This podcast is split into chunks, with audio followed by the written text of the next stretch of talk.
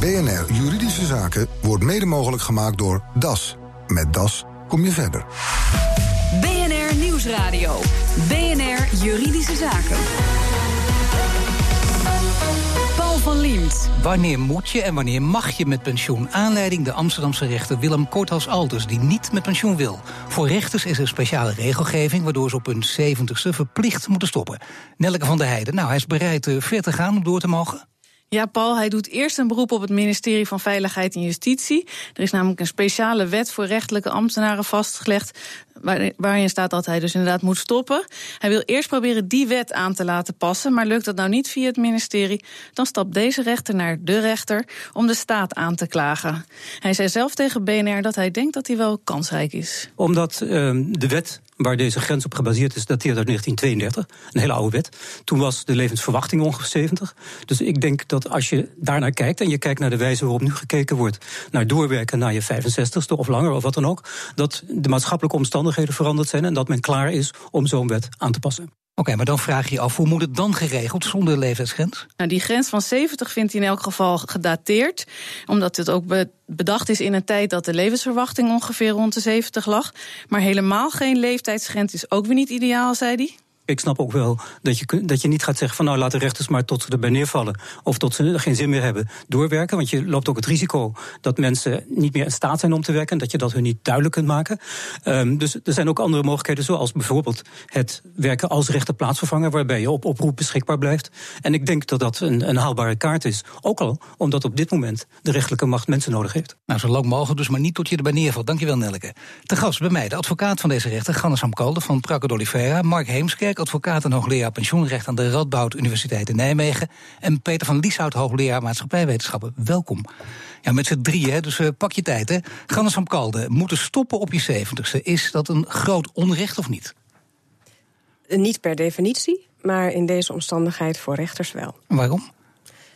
Omdat uh, je altijd een goede legitimering moet hebben uh, op het moment dat je onderscheid maakt uh, op leeftijd, dus ook op je zeventigste. Je moet kijken waarom is dat noodzakelijk en kun je echt niet meer doen wat je moet doen um, gezien die leeftijd. Nou ja, die legitimering is er uh, hier voor rechters eigenlijk niet. Zoals mijn cliënt uh, net al uh, ja. zei in die quote. Er is gewoon heel veel veranderd wat dat betreft sinds 1932. U bent een advocaat inderdaad. En deze rechtercourt als Alters heeft zelf goede hoop voor zijn zaken. Wat, wat wordt het allerbelangrijkste argument? Want er worden natuurlijk heel veel uit de kast gehaald. Maar wat was het belangrijkste? Nou, zoveel is het niet hoor. Wat er uit de kast wordt gehaald. Het is een heel concreet argument dat wij Gelukkig. maken. Um, om uh, gerechtvaardigd onderscheid te maken, uh, moet een uh, maatregel een legitiem doel dienen, passend en noodzakelijk zijn. En wij zeggen dat is niet langer het geval. Um, omdat uh, de levensverwachting uh, in de tussentijd met ongeveer tien jaar is gestegen. Omdat het, het kabinetsbeleid volkomen gericht is op langer doorwerken. En omdat er allerlei andere maatregelen denkbaar zijn. waarmee je hetzelfde doel dient. maar niet zo drastisch die leeftijdsgrens op 70 jaar hoeft te stellen. En is dat de inzet? Maar uh, veel mensen zullen denken. rechters zijn toch al op veel gebieden bevoorrechten, Mark Heemskerk. Nou, dat, dat laatste dat laat ik nog even in midden. Maar ik wil wel graag ingaan op. Nou ja, de... leven lang door kunnen blijven werken zonder ontslagen te worden, bijvoorbeeld. Tot je zeventigste dus. Dan hebben, komen we automatisch weer terug bij, bij de leeftijdsgrens. Maar het zou wel een kleine revolutie zijn als die leeftijdsgrens van 70 voor rechters in strijd wordt geacht met het discriminatieverbod. Want dat is natuurlijk waar het dan om gaat. Hè. Leeftijdsdiscriminatie, Europese regelgeving. Nou zijn er voor, laat ik zeggen, gewone werknemers in tal van Europese landen al procedures gevoerd op de AOW-leeftijd. Al, ja. al, althans in die landen dan, daar heet AOW natuurlijk anders. En elke keer was de uitkomst hetzelfde. Namelijk het Hof van Justitie heeft geoordeeld dat daar een objectieve rechtvaardiging, is het juridische criterium was voor de lidstaat om die grens aan te houden. Dus Gannes van snapt helemaal niets van om deze zaak aan te gaan, sowieso. Want die weet eigenlijk, als ze de geschiedenis had bekeken, dat je het per definitie gaat verliezen. Nou, er zit, er zit natuurlijk een klein verschil in. Uh, overigens, ik, ik denk dat, dat de ze kans... staat te lachen hoor, dus ze denkt dat ze toch gaat winnen, volgens mij. nou, dat, dat, dat is prima. Uh, en het zou een revolutie zijn, zei ik net al. Kijk, de argumentatie tot nu toe was, was elke keer... er is een inkomensvoorziening, namelijk de AOW. Uh, en dan is het gerechtvaardigd om uh, afscheid te nemen. Het is een natuurlijk moment. En uh, wat soms ook wordt aangevoerd is het doorstromingsargument. Je houdt die plaats vast. Ja, nou, of dat nou het allersterkste argument is, daar kan je nog wel iets tegen inbrengen, denk ik. Maar in de Europese richtlijn die hierover gaat, daar staat ook met name genoemd werkgelegenheids uh, argument en arbeidsmarktbeleid. En de toetsing door het Hof van Justitie die is heel marginaal. Nou, zullen even toetsen bij Peter van Lieshout, want die weet alles van natuurlijk vanuit de arbeidsmarkt bekeken. Is het wenselijk dat de leeftijdsgrens voor rechters dat die wordt aangepast van 70 naar 75 of 80 of hoger? Niet los. Kijk, ik kan me voorstellen dat je de neiging hebt om te zeggen van is deze regel gerechtvaardigd? Maar ik vind dat je die vraag eigenlijk niet kan beantwoorden als je niet ook hebt over andere regels die we hebben om die arbeidsmarkt te structureren. He, voorbeeld Verenigde Staten, is niet een regel dat mensen op een bepaalde leeftijd moeten stoppen. Maar tegelijkertijd heb je daar natuurlijk een systeem waarbij er eigenlijk nauwelijks ontslagbescherming is. Dus dan kun je het ook hebben. Dus ik vind de redelijkheid van... heel knap dat zo'n rechter daar in Amerika tot zijn honderde jaar geloof ik ja, Ja, daar moet je eigenlijk niet aan denken als ik eerlijk ben. Uh, althans, ik heb zelf daar vrij vaak meegemaakt. Met hoogleraren daar van 90. Dat je denkt van, goh, iemand had toch tegen jou moeten zeggen... met een zekere druk, dat je wat anders moet gaan doen. Maar vanwege vergeetachtigheid of omdat in slaap vallen? Nou, iets wat daar erg in de buurt komt, ja. Maar in ieder geval hebben ze een vakgebied niet meer zo weten bij te houden... als je eigenlijk nee, in redelijkheid kan verlangen. Bij, bij, bij deze rechter is het heel anders. En ik hoor dus Alders, want die geeft in alle interviews geeft hij aan... dat hij nog een echte fietser is en zo, dat hij zich 40 voelt, uh, scherp en fit is. Oh ja, maar dus ik, heb ook geen oordeel over deze persoon. En ik denk niemand hier. Wat ik wel denk is dat je kunt best kijken naar het systeem van hoe gaan we om met leeftijdsgrenzen. Maar dan moet je ook kijken naar het systeem van hoe gaan we bijvoorbeeld om met ontslagbescherming. Dat hoort er dan wel bij. Misschien mag ik even twee punten ter verduidelijking uh, ja, maken. Nou, dan. Uh, het eerste is, het gaat bij rechters niet om ontslag uh, op AOW-leeftijd. Er geldt een aparte regeling voor rechters.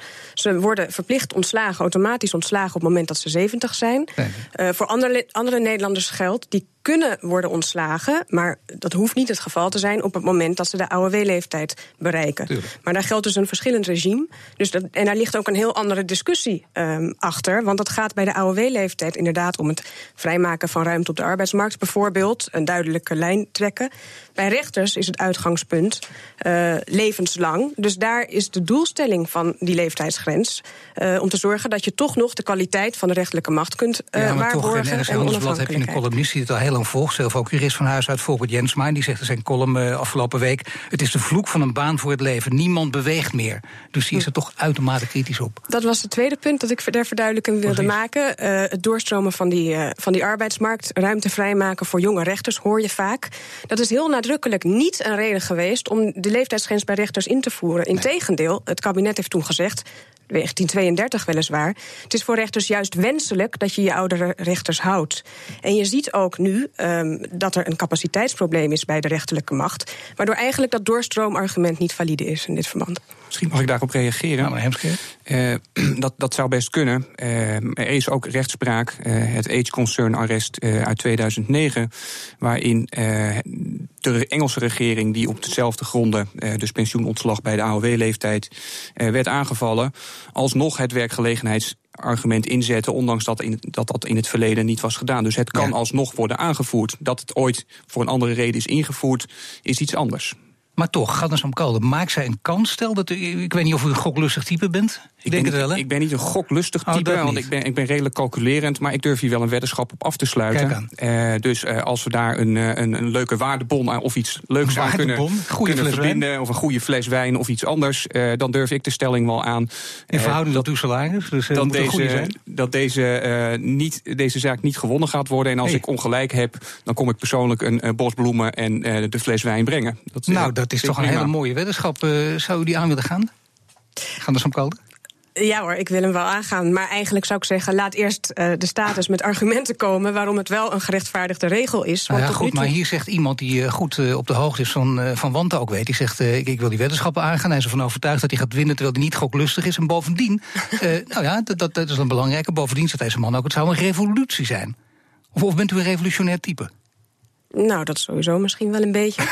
oh, oh, dat verklaart het ook.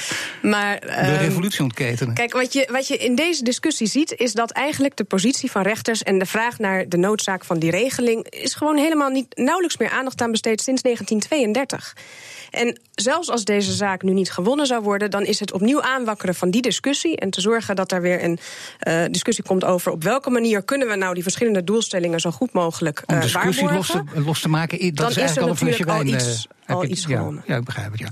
ja en, ik denk dat er een vorm van, van redelijkheid in zou moeten komen, of van checks en balances die je in de rest van de arbeidsmarkt ook ziet. Wat mij betreft is het zo dat je of inderdaad een dialoog voert met een werknemer en zegt van god, hoe gaat het nog met jou? Kun je nog een tijdje blijven? En daarmee maak je ook de, het moment waarop iemand stopt flexibel. Dat vind ik in een moderne samenleving een vorm van redelijkheid. Of je zegt dat gesprek voeren we niet. Er is harde ontslagbescherming. Maar daar hoort dan eigenlijk ook een type regeling bij. Zegt, en op een gegeven moment houdt het ook op, want we kunnen het debat niet op inhoud voeren. Het, even en dan formele het, het, gaat, het gaat om het totaalpakket, gaan dus ook niet alleen maar om dit uitgekozen punt. Je mag dit niet alleen uitlichten. Als je dit gaat veranderen, zorgen dat je ook meer dingen gaat veranderen. Nou ja, kijk, ik denk je moet, je moet voor deze discussie specifiek kijken naar de positie van rechters. Ik denk dat daar iets zit tussen die twee scenario's. Bij rechters kijken naar hoe gaat het nou is onwenselijk. Dat is de reden dat die leeftijdsgrens ooit is ingevoerd. Want dan krijg je toch dat er persoonlijke en politieke omstandigheden een rol kunnen spelen. Nou, dat tast de onafhankelijkheid van de rechterlijke macht in potentie aan. Dus je moet naar een ander systeem toe. Dat kan één leeftijdsgrens zijn, maar wat met Willem Korthaus altijd zei uh, in de uitzending uh, van gisteren, je kunt inderdaad ook voorstellen dat je niet automatisch wordt ontslagen, maar bijvoorbeeld als rechterplaatsvervanger, raadsheer plaatsvervanger aangesteld kan blijven. En dan ligt in feite de bal bij de gerechten als het gaat over de vraag of je ook wordt ingezet. Ik zie daar, ik zie daar wel een. En straks, wat moet er veranderen in de wet om de pensioenen op zijn kop te zetten? BNR Nieuwsradio. Juridische Zaken. Rechter Willem Kortos Altes wil dat de pensioenleeftijd voor rechters wordt aangepast, omdat die gebaseerd is op de levensverwachting die in 1932 gold. Toen werden mensen gemiddeld 70, nu ruim 80. Mijn gasten, advocaat Gannes Amkalde, hoogleraar pensioenrecht Mark Heemskerk en hoogleraar maatschappijwetenschappen Peter van Lieshout. En meneer van Lieshout, u zegt levensgrens aanpassen, dan dus ook die andere aspecten, zoals het ontslagrecht versoepelen. Misschien demotie instellen, zou dat er ook eentje zijn? Ja, daar kun je heel ver in gaan. Hoor. Ik ben zelf voor een erg groot voorstander van wat er nu in Zweden gebeurt. Waar ze gezegd hebben: Weet je wat, laten we de hele CAO overboord zetten. Dan doe je nog wat in termen van zekerheden. Laten we het allemaal maar terugbrengen naar een overleg tussen een leidinggevende en een werknemer. Wat is zijn functie? Welke activiteiten doet hij? Hoeveel geld krijgt hij? Voor iedereen? Ook voor, voor iedereen. Maar daar hoort dan ook wel bij dat als je daar niet uitkomt, misschien iets van een soort bemiddelingsinstantie aanwezig is. Maar dan gooi je de hele zaak open. Dat lijkt me een faire manier. Bij rechters overigens in Nederland willen we dat eigenlijk niet. We willen niet dat er een soort persoonsbeoordeling komt. anders dan krijg je vormen van beïnvloeding, dat snap ik. Maar ja, de, de, de, consequentie van die redenering is dat je dan een ander criterium moet hebben. En dat is een hardformeel criterium een bepaalde leeftijd. Maar dan gaan we hier echt een, uh, alleen maar een academische discussie voeren. Want je zult er een knoop door moeten hangen. Of de rechters of moeten doorhakken. Of de rechters doen mee of doen niet mee met allemaal. Wat zou u voor kiezen? Ik denk dat in Nederlandse verhoudingen heel erg gevaarlijk wordt nog om rechters mee te laten gaan in dat systeem van een dialoog over hoe het gaat. En dus beter voorlopig gaan gehouden om dan maar een formeel criterium als leeftijd te hanteren algemene wetgeving van tafel gooien? Of het Zweedse model, uh, meneer Heemskerk? Zou dat een goed idee zijn? Ik moet er niet aan denken. Waarom niet? Nou, wat je dan krijgt is uh, de positie, uh, want we hebben het nu over rechters. Maar als je het vergelijkt met de reguliere werknemer, dan is de positie van een werkgever meestal wat sterker dan die van een werknemer. dus je kunt alle kritiek verzinnen op, op vakbonden vanuit allerlei hoeken. maar er zitten, voor wat mij betreft, meer voordelen bij een CAO waar op collectief niveau wordt onderhandeld. dan dit overlaten aan de werkgever met zijn ja, nou, individuele nou, werknemer. Dat, is, dat zou je vermoeden. het interessante is, Zweden is een mooi voorbeeld toen dit systeem werd ingevoerd op vrijwillige basis, hè, op vrijwillige basis, was de aanhang van de vakbond ongeveer 75 procent. Nu, door de invoering van dit systeem, is de aanhang van de vakbond gestegen naar 85 procent. En wie is de grootste fan van dit systeem? De vakbond. Wat je ziet in de praktijk is dat er helemaal niet een vorm van verdrukking plaatsvindt. Maar er veel meer interessante dialoog plaatsvindt tussen hoe gaat het met iemand hoe past het bedrijf zich aan? Hoe kan iemand daar ook ontwikkelkansen krijgen? En hoe wordt daarin geïnvesteerd? Ironisch genoeg blijkt het dus ook voor de vakbonden goed uit te pakken. Ze nou, zijn de grote fan van het systeem. Ja, nou, eh, ik, ik vind het allemaal prachtig klinken, maar zien, zien is geloven. En uh, iets uit het Zweedse systeem plukken en dan loslaten op Nederland. Uh, ik ben nog niet overtuigd. Maar wat moet er gebeuren om u te overtuigen dan, meneer Van Lieshout? Want ik heb het idee dat hij al een uh, stapje zet nu. Nou, je kunt nooit één element uit zo'n systeem halen. Maar je kunt natuurlijk wel zeggen, volgens mij gaan we daar in Nederland op termijn ook heen. Dat hele generieke regels op je 65ste stoppen in zijn algemeenheid. Het iedereen, heeft, vanaf. iedereen is medewerker 1 of medewerker 2. Dit is je standaard salaristabel. Als je vier jaar werkt, krijg je vier periodieken. Dat we daar gaandeweg vanaf moeten. Maar dan moet je naar een heel beheerssysteem om die dialoog goed te voeren. En te zorgen dat dat machtsevenwicht een beetje maar bent u dan wel voor all, uh, meneer Heemskerk?